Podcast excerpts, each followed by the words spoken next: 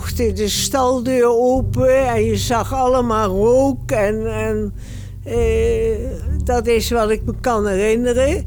En wij vlogen allemaal naar de kelder. En toen kwam het tot ontdekking dat mijn jongste zusje, ik was toen zes zo, die was drie, die hadden ze vergeten. Die lag nog in bed. ja.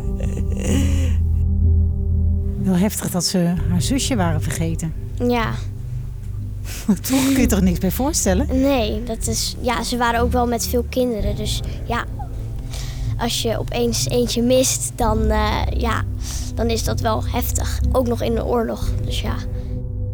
Toen kwam natuurlijk op een gegeven moment de bevrijding op 14 april. Ja. Kunt u zich daar nog iets van herinneren? Ja, die, al die tanks met militairen, met die, eh, die Canadezen. En die deelden sinaasappels en chocola uit. En ik kan me ook nog herinneren, een overbuurmeisje. Daar was ik eigenlijk een beetje vies van. Maar daar kreeg ik een stukje chocola van. Heb ik toch maar opgegeten. Nou ja, ehm, het is aardig van dat vriendinnetje dat ze, eh, eh, dat ze dat geeft. En eh, ik vind het wel mooi dat ze dat zo hebben beleefd, die bevrijding. Dat, het zo, zeg maar, dat ze zo blij waren. Dat zijn wel leuke herinneringen. Zeg maar, het einde van de oorlog is wel een fijne herinnering van iets wat heel vervelend was in het verleden.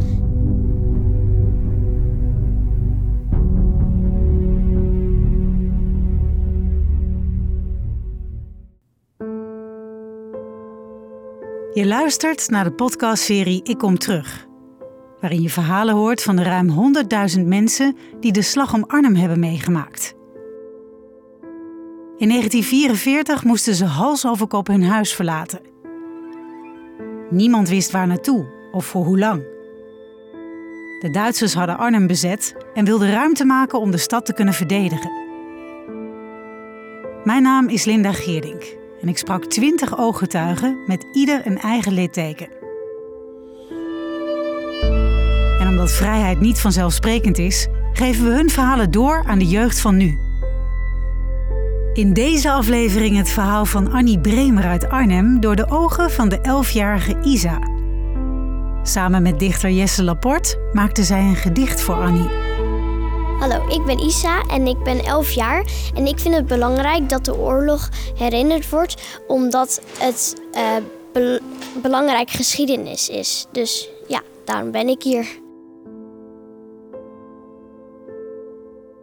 Goedemorgen, Linda. Goedemorgen Annie. Dit ben ik en dat is mijn zusje. Die is 3,5 jaar jonger. En jullie hebben een hele mooie strik in het haar. Ja, dat was toen. En dat jurkje dat had mijn oudste zus gemaakt. Die eh, kon dat heel goed. Twee hele onbezorgde meisjes nog hè, op die foto. Niet wetende wat Dat- voor ellende er daarna kwam. Ja, Ik zit in de huiskamer van Annie Bremer in Velp. En tijdens de oorlog woonde ze in de Arnhemse wijk Klarendal. En daar zat ze met haar familie, een gezin van vader, moeder en zes kinderen... in de kelder van hun boerderij onder hun paardenstal. En haar vader negeerde het evacuatiebevel van de Duitsers... omdat hij niet weg wilde vanwege de koeien. Ja, Annie, op die zondag 17 september zaten jullie zoals gewoonlijk... tussen de middag een warme maaltijd te eten. En toen hoorden jullie ineens een hels kabaal. Wat gebeurde er? ja toen eh, vloog de, de staldeur open en je zag allemaal rook. En, en eh, dat is wat ik me kan herinneren. En wij vlogen allemaal naar de kelder. We hadden twee kelders. Maar die onder de paardenstal, dat was een betonnen vloer.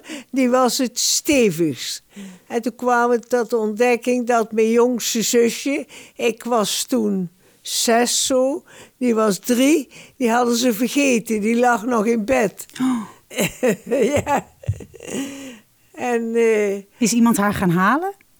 ja, die zal iemand wel zijn gaan halen, dat, eh, dat denk ik wel. Ja.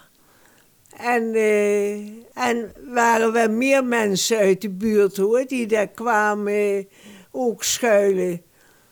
En wat hoorde u? Wat, wa- om u ja, heen? een heleboel lawaai en rook allemaal. Dat is iets wat ik me kan herinneren.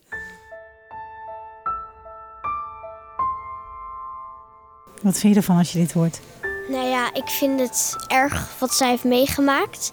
Ehm, ik vind het ook goed dat ze het nog heeft herinnerd, want dan kan het generaties later kan het ook nog doorverteld worden, zodat het dus niet vergeten wordt. Dus daarom vind ik het wel een heel bijzonder verhaal.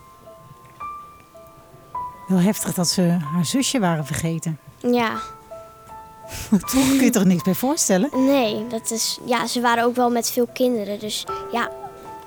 Als je opeens eentje mist, dan, eh, ja, dan is dat wel heftig. Ook nog in de oorlog. Dus ja. Uw vader en moeder kwamen op een gegeven moment boven.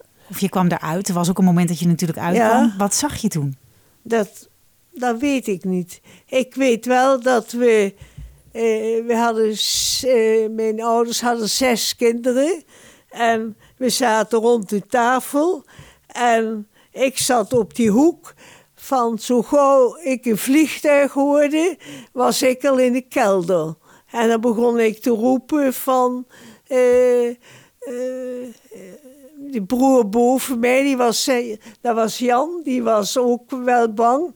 Van, kom ook naar de kelder. Zal ik maar naar Annie gaan, zei hij dan. Hè, van, maar hij was zelf ook bang hoor, maar hij wou een beetje flink zijn. Zoiets was dat. U waarschuwde ze allemaal. U zat altijd bij de deur klaar als er een Ja, vliegtuig- ja, om, om, zo gauw ik een vliegtuig hoorde, zat ik in de kelder. Ja. Ja, dat zijn wel erg momenten dat je zo bang bent dat je dan zo snel op een veilige plek wil zijn. Omdat je je niet veilig voelt op andere plekken. Ja, dat vind ik wel erg. Omdat je niet gewoon in je eigen huis eh, je veilig kan voelen. Ja, Ja, die eerste dagen van de slag om Arnhem, toen de bombardementen vielen, ehm, troffen jullie ook eh, mensen aan op straat. Oh ja, in de straat. Dat, er was een vriendinnetje en die was. eh, je had hier een straat en dan had je de, de Hoflaan. Ik weet niet of je bekend bent in Arnhem. En dan had je de kerk, de Sint-Janskerk, waar wij naartoe gingen. Wij waren eh, katholiek. En daar was een meisje met blonde krulletjes. En die was dood, weet ik wel. Dat, dat ik dat heel erg vond. Er was een soort vriendinnetje dan of zo, denk ik. Maar dat kan ik verder ook niet herinneren. Want je had iets hogerop, dan had je de Klaardalsweg en dan had je de kazerne.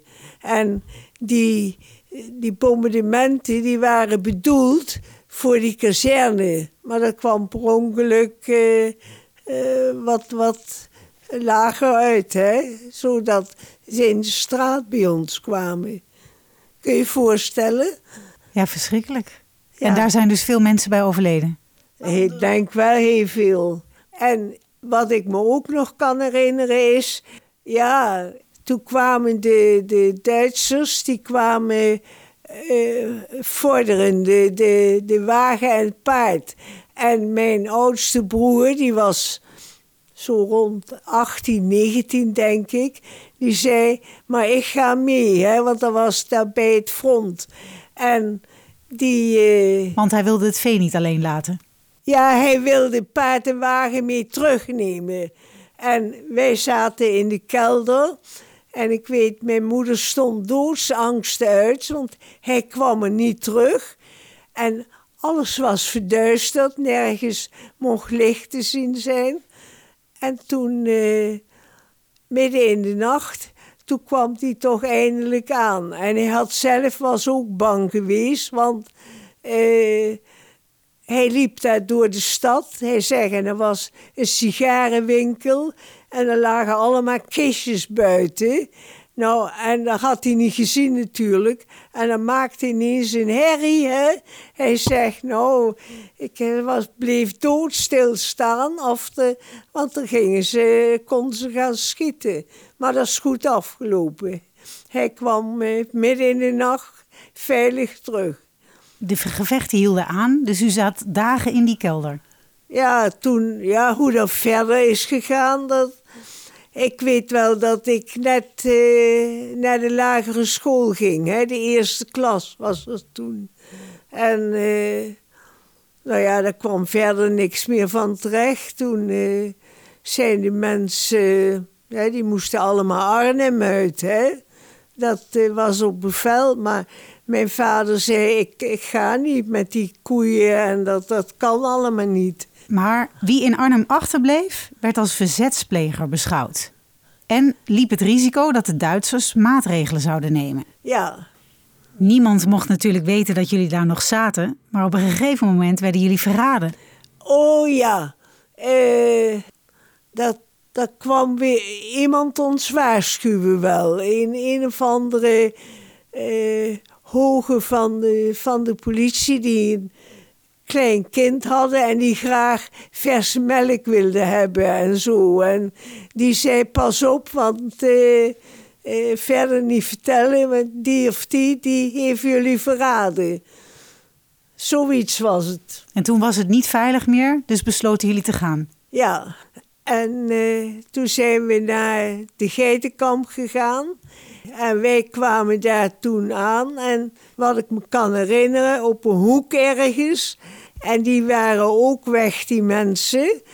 En er was een groenteboer en die had een grote voorraadschuur. En daar hebben ze toen geïmproviseerd stallen van gemaakt. Want jullie waren vertrokken met vee en al?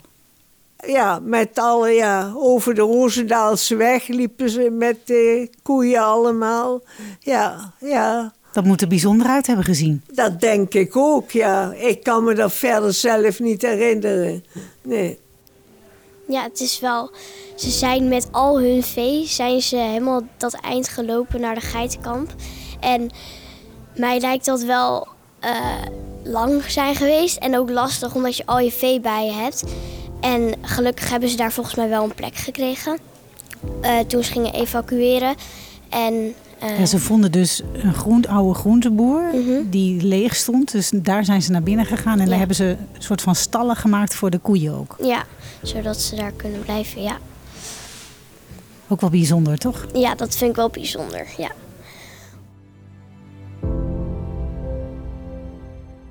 Ja, en dan kom je dus terecht in zo'n fruithandel en cynisch genoeg was daar geen appel te vinden? Nee, alles was leeg. Ik weet wel dat wij wel eens, eh, toen er later weer meer mensen kwamen wonen, rondgingen om eh, met zo'n wagentje of ze uh, iets hadden voor de koeien. Om te, zeiden mensen, ik dat we het zelf hadden. Dat is wat ik me kan herinneren. Ja, ze probeerden dus ook aan mensen te vragen of ze nog iets hebben voor de koeien. En volgens mij ook schillen wouden ze vragen. Van um, aardappels volgens mij ook. Um, maar ja, die mensen die hadden zelf ook niks. Dus die zouden zelf ook willen dat ze dat zouden hebben. Dus ja, dat is ook wel een hele lastige situatie. Omdat ze ook niks hadden voor de koeien en voor het vee. Wat me nog één ding opviel, is dat jullie vanuit Klarendal naar de Geitenkamp gingen. Ja. Dat is hemelsbreed niet heel veel verder. Jullie zaten nog steeds dicht bij het gevaar. Ja. En waarom trokken jullie niet verder? Geen flauw idee. Dat dat. Uh, wij zijn daar gewoon blijven zitten. Hoe of wat, dat weet ik eigenlijk ook niet. Dat had ook wel moeilijk gegaan met, met de hele die stal en de vee en al. Hè. Dat is dus- praktisch gewoon niet haalbaar natuurlijk om heel veel verder te trekken. Ja. En wat ik me ook nog kan herinneren is, je had toen die V1's, ik weet niet of dat was zeg. Dat waren van die bommen en als ze stilvielen, dan eh, vielen ze naar beneden en dan, ja, een heleboel eh, werden dan gedood en zo, hè. En ik was ontzettend bang als kind toen. En hadden ze mij verteld, dat kon geen kwaad. Ik weet wel dat we mensen op bezoek hadden. En toen zei, uh, zei mijn, mijn moeder of zo, die zou ik zeggen hebben... Ja, fijn dat dat geen kwaad kan. Nou, die keken van, is dat mens gek geworden? Dan hebben ze later wel verteld van waarom ze dat zei. Omdat ik zo bang was. Ja, ze was dus heel bang voor die vliegtuigen, hè? Voor die vliegende bommen. Ja. Dat snap ik wel. Want als je dat boven je zou zien en dat valt op de grond en je hoort zo'n bom. Ja, ik zou wel even bang zijn, denk ik. Want dat is wel heel eng. Ja. Heeft u nog meer van dat soort angstige momenten gekend? Ja, eigenlijk verder niet zo. Ik weet wel dat wij. Je had zo'n weg naar beneden en dat kregen we bij een particuliere les. Maar ik kan me niet herinneren dat ik er iets van geleerd heb. De letter A moest je heel mooi schrijven. En dat is het enige wat ik nog weet. Dus u kunt hier nog steeds prachtig schrijven? Helemaal niet. Ze kreeg dus uh, les van, uh, van zo'n klein schooltje. En daar moest ze de A mooi schrijven, het mooiste als ze kan. Uh, maar ja, nu zegt ze dat ze daar niks heeft van geleerd. En dat het maar een beetje aanrommelen was. Een beetje tijdverdrijf eigenlijk. Ja, een beetje de oorlog vergeten. En verder kan ik me dat ook niet meer goed herinneren of ik er vaak ben geweest. Ik kan me nog wel iets herinneren dat wij water moesten halen in zo'n daar onderaan eh, op de grens tussen Arnhem en Velp heb je een kuil zo. En dan kon je water uit de grond of zo, denk ik, voor de koeien. Zoiets kan ik me herinneren, dat we dan moesten halen. Maar hoe dat verder was, weet ik ook niet. En kunt u zich nog herinneren hoe uw ouders erin stonden? Waren zij angstig? Uh, uw broertjes, zusjes? Mijn moeder was ook heel bang. Mijn vader was uh, minder bang. Ja. En wat deden ze om u gerust te stellen, om de kinderen gerust te stellen? Om ons gerust... Ja, hadden me verteld van dat het geen kwaad kon, ja. Toen kwam natuurlijk op een gegeven moment de bevrijding, op 14 april. Ja. Kunt u zich daar nog iets van herinneren? Ja, die, al die tanks met militairen, met die, uh, die Canadezen. En die deelden sinaasappels en chocola uit. En een sinaasappel kregen we allemaal één padje. Weet je wel, dat, uh, dat was heel... Uh, ja, daar waren ze heel zuinig op. En ik kan me ook nog herinneren, een overbuurmeisje daar was ik eigenlijk een beetje, waar een beetje, was ik wel vies van. Maar daar kreeg ik een stukje chocola van, heb ik toch maar opgegeten. nou ja, um, het is aardig van dat vriendinnetje dat ze, uh, uh, dat, ze dat geeft. En uh, ik vind het wel mooi dat ze dat zo hebben beleefd, die bevrijding. Dat het zo, zeg maar, dat ze zo blij waren. En ja, dat het echt zo'n stoet was, echt een feest was het geworden. Dus ik, dat zijn wel leuke herinneringen, zeg maar. Het einde van de oorlog is wel een fijne herinnering van iets wat heel vervelend was in het verleden. Dus daarom vind ik het wel mooi dat ze zo blij was over de bevrijding. En heeft u ook iets van horen zeggen dat de bevrijding er aankwam? Weet u nog dat moment? Nou, dat geloof dat kan ik me niet herinneren. Dat ze zei al, uh, daar komen de Canadezen of de, ja. Er was toen zo'n liedje van... Uh, Trace even Canadees, hè. Trace even Canadees. Oh, wat is dat meisje in de sas? Ik weet niet hoe dat Trace even Canadees. Uh, van, uh, er zijn wel relaties uit voortgekomen hè, in die tijd. Met, met uh, Canadese en Hollandse meisjes. Ja, er zijn dus ook uh, in de oorlog, omdat er dus Canadezen dus ook Nederland wouden gaan, gingen bevrijden, zijn er dus stelletjes gekomen van Nederlandse meisjes en Canadese jongens.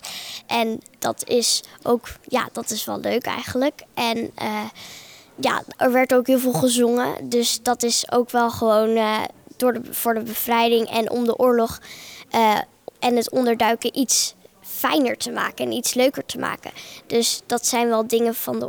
Ja, dat is wel gewoon blij om te horen van zo'n moeilijke tijd. Dat er ook weer goede momenten zijn geweest. Um, nu werd Arnhem op 14 april bevrijd, maar jullie konden in mei pas terug naar huis. Waarom zo laat? Goeie vraag.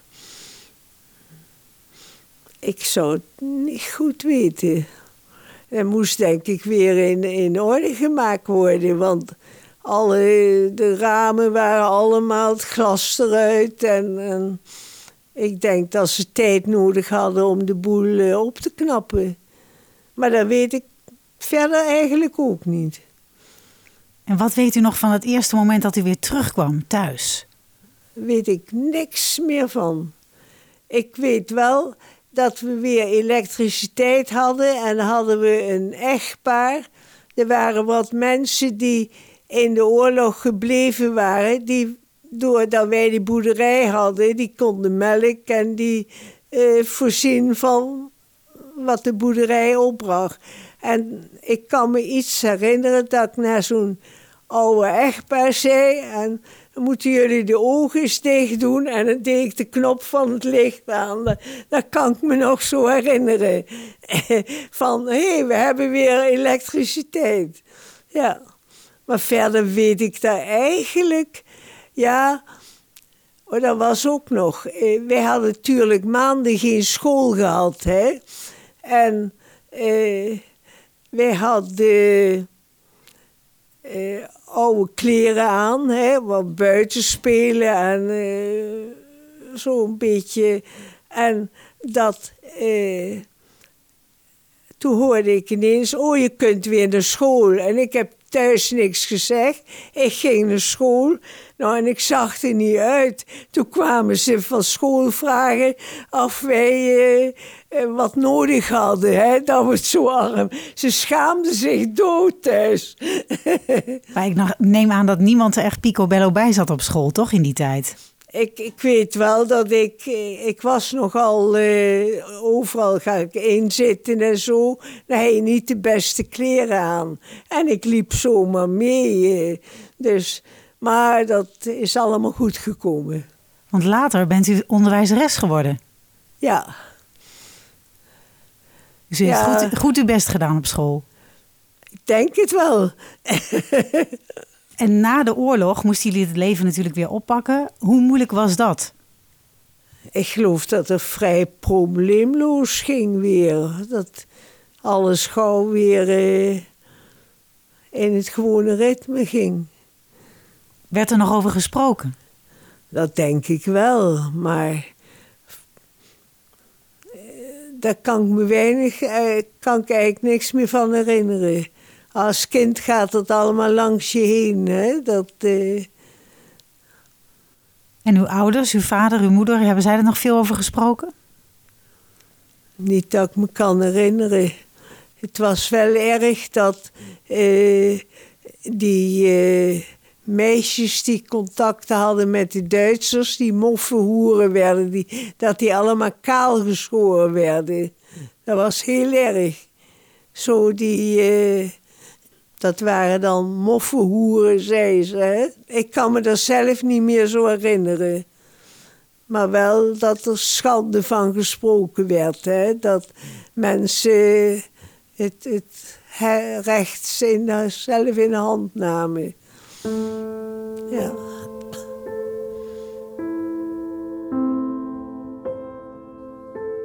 Best een gruwelijk einde. Maar Annie heeft natuurlijk veel meer verteld. Welke dingen die ze verteld heeft ga je meenemen in je gedicht? Ik denk ook over de Canadese en de Nederlandse meisjes dat die een relatie krijgen.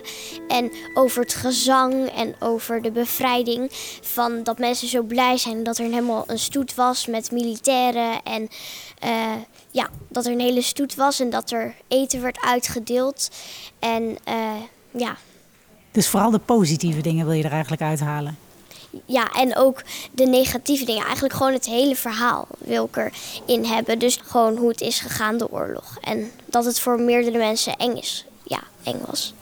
Oké, nu wil je er best veel in meenemen. Is dat te doen, Jesse? Het is veel, het is veel. Maar ik denk dat we, eh, dat we kunnen kijken waar we komen. Ik denk inderdaad dat je vooral heel veel positieve dingen hebt opgenoemd. En zijn opgevallen over de Canade Canadezen. Maar er zat natuurlijk ook de sinaasappel in en de chocola en de, de feestjes en de liedjes. En dat zij ondanks alle ellende toch ook wel veel mooie dingen heeft weten te onthouden. En dat is natuurlijk heel bijzonder. En ik denk dat we daar misschien dan vooral iets mee kunnen. Ja. De stem die je hoort is van dichter Jesse Laporte. Hij helpt Isa bij het maken van een gedicht voor Annie. Wat wordt je eerste zin? Ehm ehm, Wil je het gedicht aan Annie schrijven? Of wil je, het, wil je het voor haar? Of wil je het aan de mensen van later schrijven juist? Heb je een idee? ik denk dat ik het. ehm, wat zij heeft meegemaakt. Dus niet per se aan Annie, Nee, voor Annie, maar gewoon eh, haar verhaal en wat zij heeft meegemaakt. Ja, en je ik. zei net ook dat het belangrijk is dat zij het nog herinnert, omdat je het aan volgende generaties wil vertellen. Dus je vertelt dit nu een beetje aan jouw leeftijdsgenoten en de kinderen die nog komen. Ja, Ja, oké. Hmm, dan is het misschien leuk om te beginnen bij het begin, namelijk Annie en eh, het vee op straat. Annie en het vee op straat. Ja? Oké, Nou ja, dat, eh, of, of daar een, een verhaaltje over schrijven, een gedicht Ja. over schrijven. Want dat is natuurlijk een heel grappig beeld om Ja. mee te beginnen. En tegelijkertijd ook heel raar dat het je overkomt. ja. Dus zij zei, ik herinner me nog heel veel stof en rook. Ja, Ehm, misschien is dat wel een goede eerste zin. Laten we beginnen bij het begin. ja, En dat je dan haar verhaal opschrijft. ja. Dus wat is dan de beginzin? Nou, dat mag jij natuurlijk weten. Maar eh, ik zou eh, misschien wel gewoon opschrijven, laten we beginnen bij het begin. Oké, ja, moet ik dat opschrijven? Ja, en dan heb je een beginzin en die kun je altijd nog weghalen. En dan moeten we haar verhaal gaan vertellen. Ja. Waar begon het verhaal volgens jou? Ehm, toen de barbe- eh, bombardementen begonnen. Ehm, dus dan. Misschien toen de bombardementen begonnen. Of. Ja, en misschien is het goed om dan Annie haar naam erin te verwerken. Dus laten we beginnen bij het begin. Ehm, waar was Annie? Annie was eh, op de boerderij, dus in haar huis. Ja. Dus misschien dat dan opschrijven? Ja. Eh, dus Annie was eh, in haar huis. Ja. Toen de bombardementen begonnen. Dan moeten we het ook nog proberen op een gedicht te laten lijken. Laten we beginnen bij het begin. Annie was op haar boerderij toen de bombardementen begonnen. Het is mooi, het allitereert allemaal. Boerderij, bombardementen begonnen. Beginnen, bij, beginnen. Een heleboel woorden met een B. Dat is een vorm van rijm in de poëzie, dus dat is leuk. Dus dan is de volgende stap. Dus is haar verhaal vertellen nu, toch? Dus zij zijn Ja. de kelder ingegaan en het zusje vergeten. Ja. Denk je dat we kunnen proberen om die zinnen zoveel mogelijk woorden met de letter B te kunnen schrijven? Zou kunnen, we gaan het proberen. Laten we het proberen. Ehm, ze moesten naar beneden lopen, de kelder in. Eh, er zat daar een betonnen vloer boven, omdat het dan veilig is. Ja. Ja, Ze moesten naar beneden, want in poëzie mag je de zinnen wat korter maken. Dus dan zeg je ze moesten naar beneden, dat is dan genoeg. In plaats van lopen daarachteraan. Dus Ja. dan zeg je ze moesten naar beneden en begaven zich onder de vloer van beton. ja, Ja? ja. Moet hier een komma of niet dan? Hoeft niet in poëzie, Oké. Eh, want je gebruikt al een enter. Of een korte? Eh, korte. Oh ja. Begraven. Onder het beton. Heb je ook de? Maar je mag kras hoor. Oké.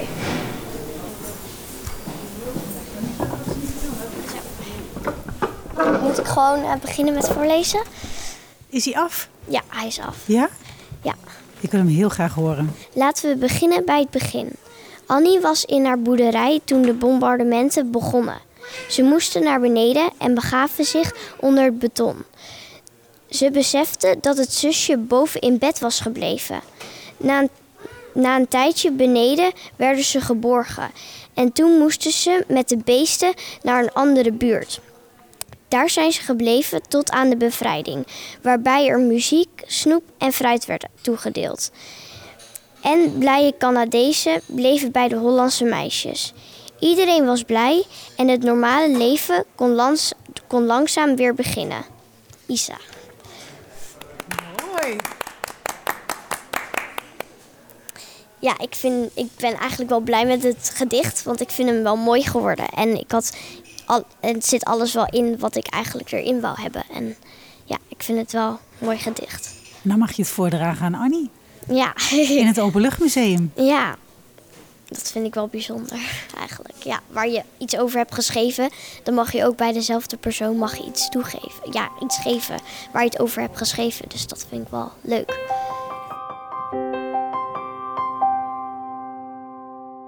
Vandaag is het moment waarop Isa haar gedicht mag voordragen aan Annie. Annie kan er zelf helaas niet bij zijn, maar ze heeft een dierbaar familielid gestuurd. Ja, is goed.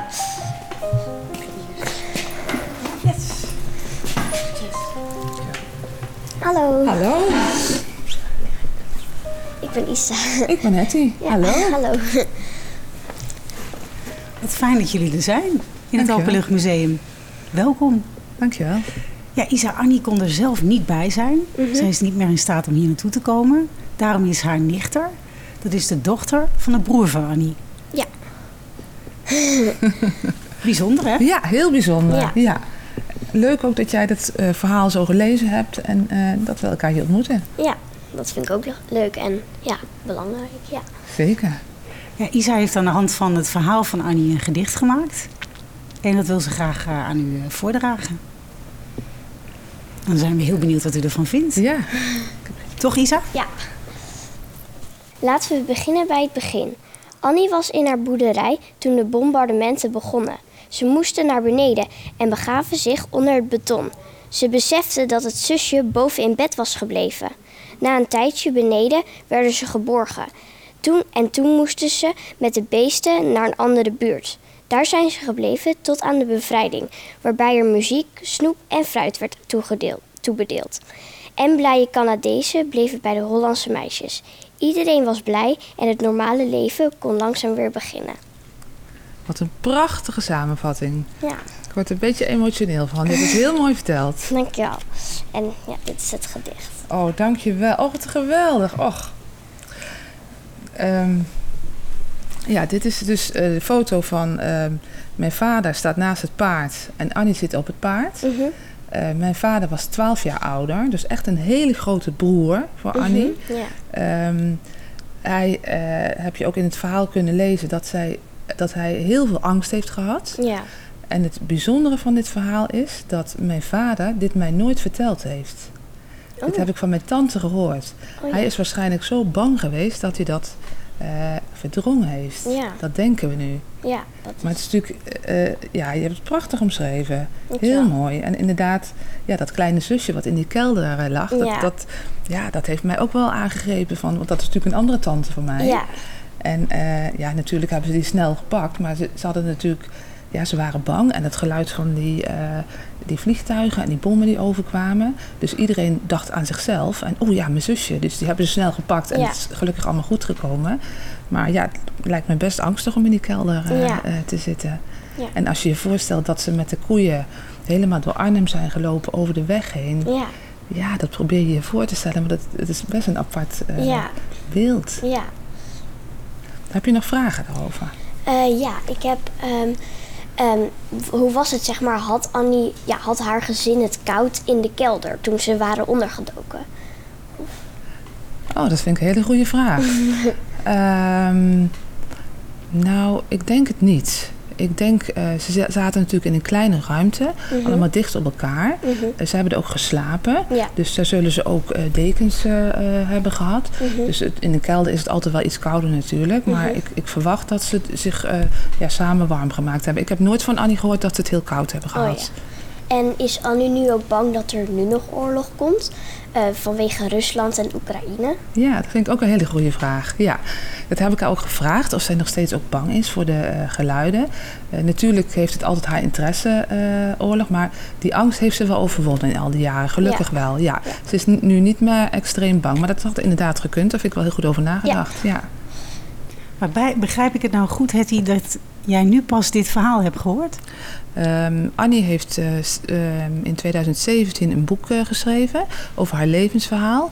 En toen heb ik dat allemaal gelezen en daarna ben ik er met Annie over gaan praten.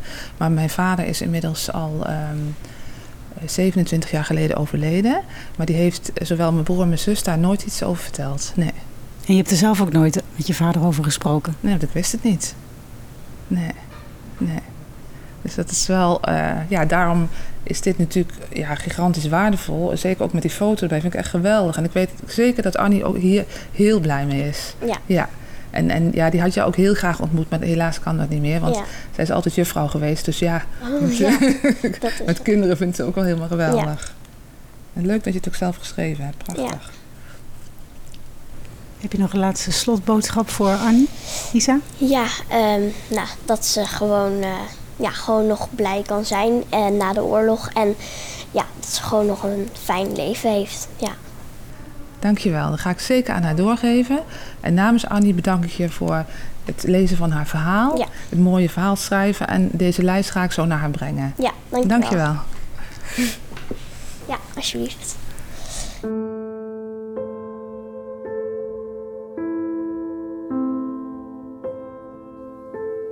Je luisterde naar de podcastserie Ik Kom Terug. Wil je meer evacuatieverhalen horen? Luister dan in je favoriete podcast-app naar meer indrukwekkende herinneringen. Zo ook het verhaal van Willy van der Haak. Zij was elf toen ze met haar familie moest schuilen in de kelder van hun buren in Ede. 17 september 1944 herinnert ze zich nog als de dag van gisteren. Maar ik weet dat ik bij de buren, bij de familie Weiland in de kelder zat. Dat mijn vader naar beneden kwam, de keldertrap af en mijn hand pakte en die zei: Kom mee naar boven. Je moet dit zal je zien, de hele leven zal je het weten. En toen heb ik dus die landing gezien vanuit de nachtegalaan in Ede. Heb ik ze zien landen en ik was vreselijk bang. Ik heb aan zijn arm lopen trekken omdat ik naar, naar beneden de kelder in wilde. En hij zei, kijken, kijken, je zal het je leven vergeten, niet vergeten. De verhalen van ooggetuigen worden steeds zeldzamer. Deel daarom deze podcast, zodat iedereen hoort dat vrijheid niet vanzelfsprekend is. Deze podcastserie is mogelijk gemaakt dankzij de samenwerking tussen Airborne Museum Hartenstein, het Nederlands Openluchtmuseum, de Airborne Region, Bureau Kessel en de NOW Foundation. Met steun van provincie Gelderland, Programma Vrijheid, gemeente Arnhem, VSB-fonds en het V-fonds. De redactie werd gedaan door Marieke van Kessel. De montage lag in handen van Linda Geerdink. En de eindmix deed Peter Kluiver. Wij hopen natuurlijk dat veel mensen gaan luisteren en daarvoor helpt het wanneer je een recensie achterlaat bij Spotify of Springcast. Graag tot de volgende aflevering.